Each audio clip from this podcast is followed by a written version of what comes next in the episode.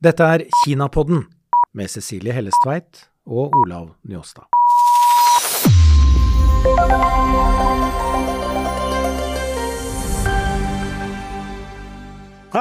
Åssen ble dette? Jeg syns dette ble ganske bra. Ja, her var det mye som ble sagt, og så var det mye som ikke ble sagt. Og Det skal vi kanskje gå inn på. Altså, vi gjør nå et ekstra take. Eh, vi tar opp litt sånn bak scenen, og så syns jeg at vi skal gå inn på noe av det som han la igjen, eh, delvis for å utdype ting som kan være vanskelig å få med seg. Det er engelsk. Eh, nå kan vi gå inn på det på norsk. Noen begreper. Men først må jeg, må jeg si det at det var så vidt ikke dette gikk i dass, fordi vi holdt på å miste han. 20 minutter før, skulle, før, vi skulle være i studio, så fikk jeg en e-post fra hans personlige sekretær, hvor vi får vite at han sitter i kafeen, og om vi kan hente han der. Her er det sånn i, i, i EU at man opererer ikke med telefon, man opererer kun med e-post når man skal kontakte politikere og andre. Så det er umulig å få tak i folk fort, egentlig. Og det er langt å gå. Jeg, jeg så akkurat på telefonen min, og jeg ser at i dag er jeg gått 4,2 km bare i dette bygget. Eh, så da var hodet mitt ganske stort, og jeg fryktet det verste, at dette her kommer til å gå til ja, at vi kommer til å miste han. Så er folk hjelpsomme her. Det, altså det er en sånn selv sikkerhetsvaktene er empatisk og skjønner at du har behov for det. Så en av sikkerhetsvaktene klarte å få personlig sekretær på telefon, så jeg fikk ansiktet hans. Jeg kunne si vi er bønder i byen. vi, ikke, vi, kjenner ikke EU-bygget, så når du sier han sitter i kafeen, så vet ikke hvor den er hen. Kan du komme og hente oss, sånn at vi kan Eh, komme dit. Og Da viser det seg det at han har gjort seg tilgjengelig i kafeen for andre journalister. Han sitter der, og for at han skal kunne klare å komme til oss, så, er den personlige sekretæren nødt til å ha med en fysisk person. Altså i dette tilfellet meg, da, sånn at han kan få pekt på meg og si at nå er det disses tur, du har lovet i tid. og så går det, vi mister ti minutter, og vi får det til. Så Det var en sånn liten utblåsning. Og sånn er det jo da, med disse politikerne. Så lurer jeg på, hva var det som gjorde at han kom til Kinapodden? Norge er ikke medlemmer av EU engang. Han er en, en, betydningsfull mann i dette parlamentet. Han leder delegasjonen på Kina. Men hva slags interesse har han av det? Det handler om Norge som energimakt. Og Norges posisjon i EU er veldig mye viktigere nå enn bare for et halvt år siden. Det er klart I forbindelse med den grønne omleggingen, hvor EU vel er mest ambisiøs i hele verden, så har de blitt mer avhengig av norske og russiske energikilder. Og Pga. krigen så har de måttet kutte de russiske, eller dramatisk redusere, og skal gå i null. og Da blir det enda mye viktigere å ha på en måte et nært forhold til Norge. Så det er klart, EU eh, er mer fremoverlent i sin relasjon til Norge nå enn de antageligvis har vært eh, noensinne. Og Det er nok også en, en, en, grunn til at vi har fått denne, denne avtalen. At vi, har, vi, står litt i fokus. Når det en sjelden gang kommer noen fra Norge og vil gjøre noe på EU, EU og Kina, så er det yes. Og så må vi også huske på at Russlands aggresjonskrig mot Ukraina fra vårt perspektiv handler jo veldig mye om det som foregår i Europa, mellom Russland og europeiske land. Men i et europeisk perspektiv, altså et EU-perspektiv, så handler det også mye om Kina. Fordi Russland leverer energi og mat, særlig til to markeder, til Europa og til Kina. USA er selvforsynt med både olje og gass og mat. Det betyr at når Russland presses ut av markedet, så er det til dels amerikanerne som da bestemmer hvem som skal få energi og mat fra det amerikanske eh, eksportmarkedet, og kineserne blir mer presset. Så det er klart, Dette her er en del av en større situasjon hvor Kina står på en måte i bakrommet, men som en slags skygge for både Russlands krig mot Ukraina, men ikke minst Vestens motkrig mot Russland. Fordi det får store konsekvenser for Kina og for de skal vi si, pressmidlene som både USA og Europa kan på en måte ha sammen. For Det er klart, det som har skjedd det siste halvåret, har gjort at vestlige land står mye mer samlet i relasjonen sin til Russland, men også til Kina. Cecilie, vi har ca. 20 minutter på dette igjen av studiotiden, som vi skal bruke til å samle opp litt av det som ligger her. Jeg har skrevet ned noen stikkord som vi må utdype litt. Betydningen av halvledere, altså Taiwans rolle. Magnitsky-akt, som du kom inn med, eh, og som han kjente seg godt igjen i. Partiformannen Xi, om det blir. Men, men bare for å nevne disse stikkordene, og så kan vi gå inn på de ganske kort og raskt. Ja, for det jeg, jeg bet meg merke er jo at særlig mot slutten så slipper han seg jo veldig løs. Dette er jo ikke en en, en, politiker som på en måte sitter stram i snippen og ikke er villig til å bruke ganske offensive beskrivelser. Han, han ga alt. Du kalte det en performance, og det var det jo. En performance. Og det er klart Han sitter i parlamentet det europeiske parlamentet, som er lovgiveren i EU. og Han sier jo at akkurat på Kina-politikken så er det veldig stor enighet. Det er 28 land, ekstremt stor forskjell i politisk representasjon. Han ga et inntrykk av at her står vi dønn samla. Ja, og det er klart Han er lovgivende forsamling, og det er det samme som Kongressen i USA. De er også aggressive, og de er enhetlige overfor Kina. Det er ett område hvor på en måte republikanerne og demokratene i USA er samlet, og det er i forhold til Kina-politikken. Og Det er Nancy Pelosi, som jo er leder av Kongressen, speaker of the House, som dro til Taiwan. Det var ikke noe som nødvendigvis var klarert med utøvende myndighet, altså presidenten eh, eller State Department, men det var på en måte den lovgivende forsamling. Og Der ser vi nå en sånn parallell situasjon i EU, hvor det er på en måte de lovgivende forsamlingen som er veldig klar og tydelig på at man må ha en offensiv Kina-politikk, mens kommisjonen, som er ledet av Ursula von der Leyen, og det som er EU External Action, som er på en måte utenrikstjenesten, de er mer forsiktige. Mm. Men, men, dette er også en ny situasjon. fordi eh, hvis eh, og sett at han nå snakker 100% sant, og eh, han gjør nok det i forhold til beskrivelsen at her er EU-parlamentet samlet, parlamentarikerne, så er det også en ganske ny situasjon for, som vil legge press på eller initiere eh, et sterkere sentralt EU. Altså en sterkere sentral EU-makt. Altså en utvikling i en føderativ retning. Du sammenligner med USA. Dette er nytt. Ja, og det er klart, det som han sier er jo at eh, disse sanksjonene som EU la på kineserne, særlig i 2021, førte til at Kina hadde sånne målrettede sanksjoner mot lovgivere, altså folk i parlamentet i EU. Ja, han står på svarteliste. Det er klart at det er ikke nødvendigvis en, et sjakktrekk, fordi det fører til at parlamentarikerne i EU blir på en måte truet. og Det gjør jo at de står mye mer samlet. Det er lettere å mobilisere mot Kina i parlamentet. Og eh, I forhold til eh, små land i EU, da, som kanskje legger seg på en litt mer offensiv linje, sånn som Litauen har gjort i forhold til sin relasjon til Taiwan nylig. Litauen er et bitte lite land i Europa, men de er EU-medlem. Vi må si hva Litauen gjorde. De opprettet et handelskontor eh, for Taiwan i Litauen. Ja. Noe som var uhørt for Kina og fryktelig provoserende. Hvorpå Kina eh, stanser alt de kan av økonomiske forbindelser. Transport på vei til Litauen fra Kina blir stoppet i, på et øyeblikk. Ja, Det er en mer dramatisk reaksjon egentlig enn den Norge opplevde da vi eh, gav eh, fredsprisen, eller da Nobelkomiteen ga fredsprisen til Liu Xiaobo. Da ble jo Norge plassert i, i fryseboksen i en del år. Og dette er nok en mer skal vi si, alvorlig kasting av Litauen i fryseboksen fra kinesisk hold. Det som er Forskjellen er selvfølgelig at Litauen er medlem av EU. og det som skjer nå er jo at Hvis du som EU-land har en offensiv politikk eh, og du får motreaksjoner, så er det noe som havner i Brussel. Ja, ja. Så Brussel kan bruse med fjærene. Ja. Men... Og Der kommer, det inn, der kommer det inn et ord som han brukte, resilience.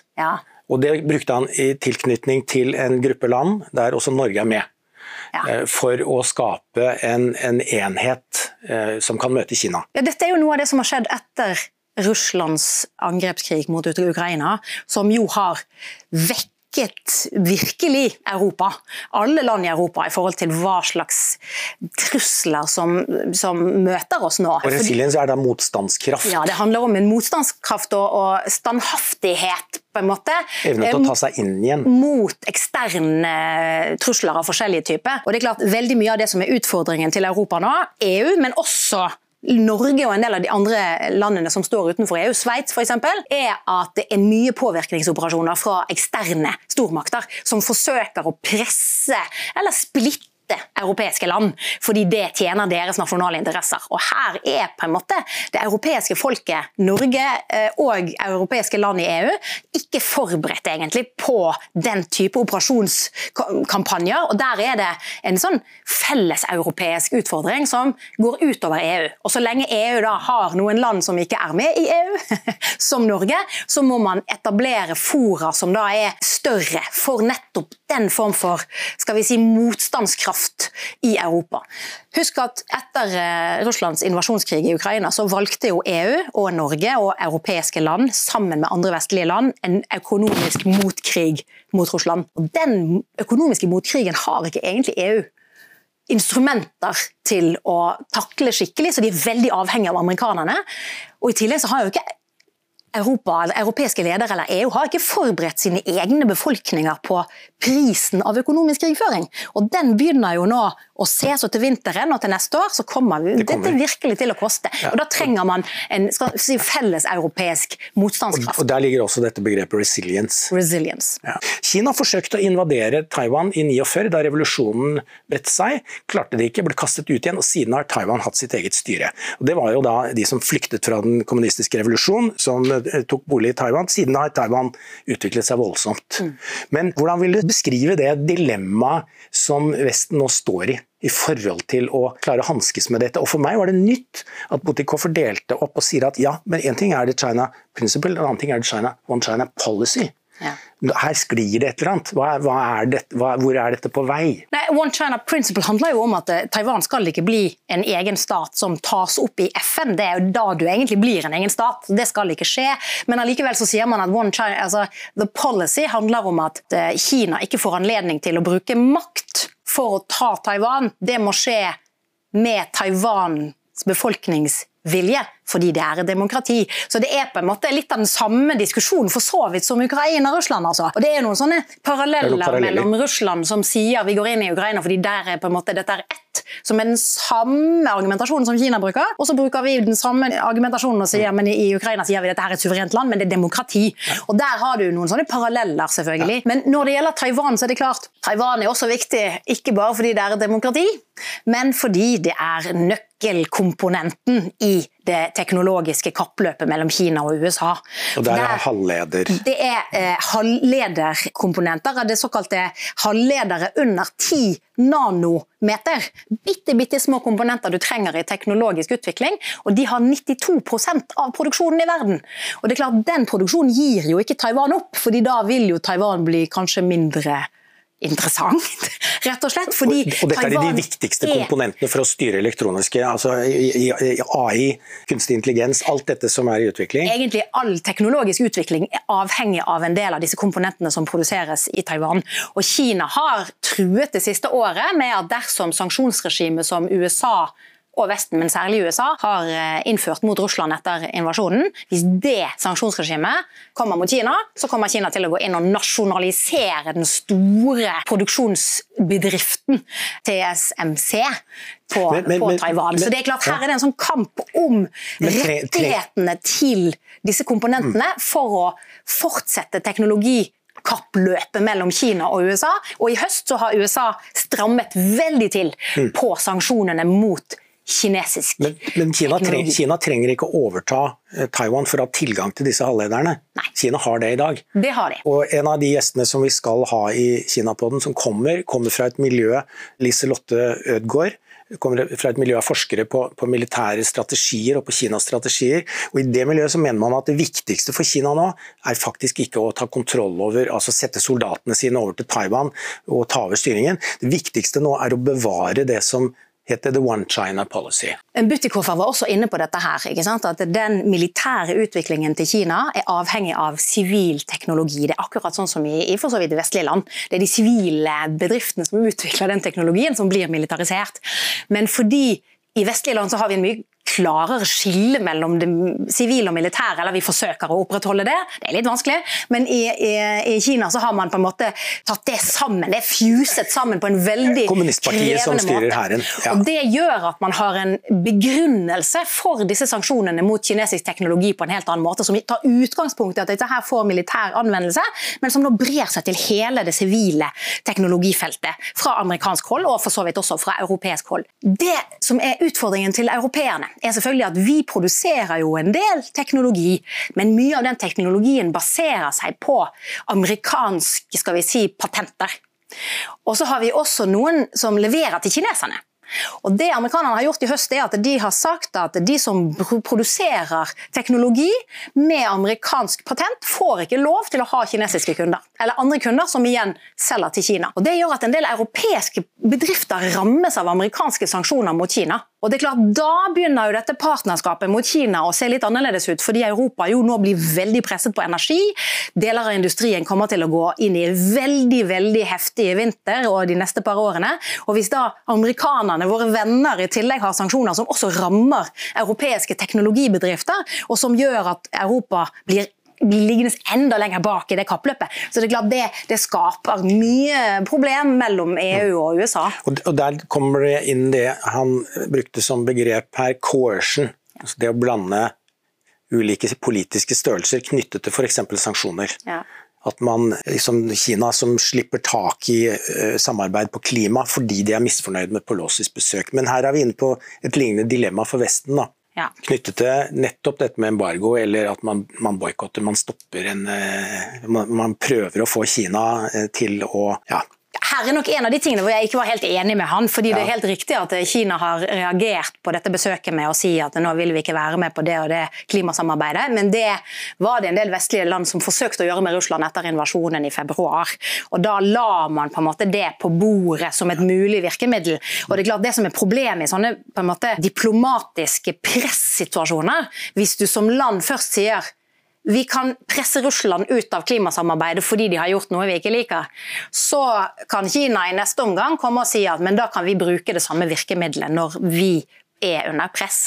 Og Det er en sånn spiral nå som går nedover, hvor du får stadig hardere virkemiddelbruk. Finanssektoren, teknologiutviklingen som vi trenger for det grønne skiftet, blir fanget i den malstrømmen. Og Der står selvfølgelig EU fortsatt litt sånn eh, uten, selv om de har en stor og viktig økonomi, så har de ikke alle de virkemidlene som bl.a. amerikanerne har. Mm. Eh, Skulle vi gått hardere på han der?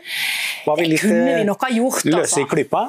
Vi kunne nok ha presset han litt mer. Ja, men, vi visste jo ikke hva han kom med helt, men uh... Det gjorde vi ikke. Og så er det jo det at her sitter EU på et vanskelig sted. For det er ikke lett å få EU til å lage mekanismer som gjør at du går bort fra konsensusprinsippet. For det Utgangspunktet i EU er at alle statene må være med. Det betyr at én stat kan blokkere eller ha veto. Og Det gir ikke den form for effektivitet i utenrikspolitikken og sikkerhetspolitikken som EU trenger nå. Og Det å få over til en sånn flertallssystem, da endrer det jo i realiteten karakteren av EU, fordi da vil Brussel få fryktelig mye mer makt mm. på bekostning av nasjonalstatene i sikkerhets- og utenrikspolitikken. Og Det er klart det, det er mange som har øh, ja, sine betenkeligheter med det, fordi alle vet det er de store landene som til syvende og sist kommer til å klare å, å banke gjennom sine interesser. Ja, og Særlig da Tyskland. Og, og Frankrike. Og Frankrike. Han nevnte Angela Merkel på en skal vi si, ikke så veldig fordelaktig måte. Han kommer selvfølgelig fra et konkurrerende parti som har gått inn i regjering, men jeg fikk veldig lyst til å invitere Angela Merkel. Det syns jeg vi skal prøve på, så får vi ja. se om det, om det lykkes. Det er jeg med på! Ja. Ja, jeg, jeg, jeg, jeg syns dette ble fint. Ja, jeg, jeg, er glad vi er her. Og så får vi se om vi får noen flere gode gjester i Kinapodden. Det får vi håpe. Men jeg syns at denne gjesten her viste jo hvor viktig dette er for europeiske parlamentarikere eller for EU. Det er Relasjonen til, til Kina er veldig definerende for hva EU kommer til å være i årene fremover.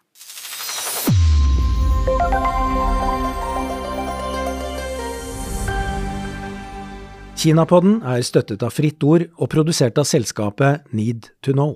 Denne sesongen av Kinapodden består av tolv episoder. Bruk søkeord Kinapodden. Du finner dem lett.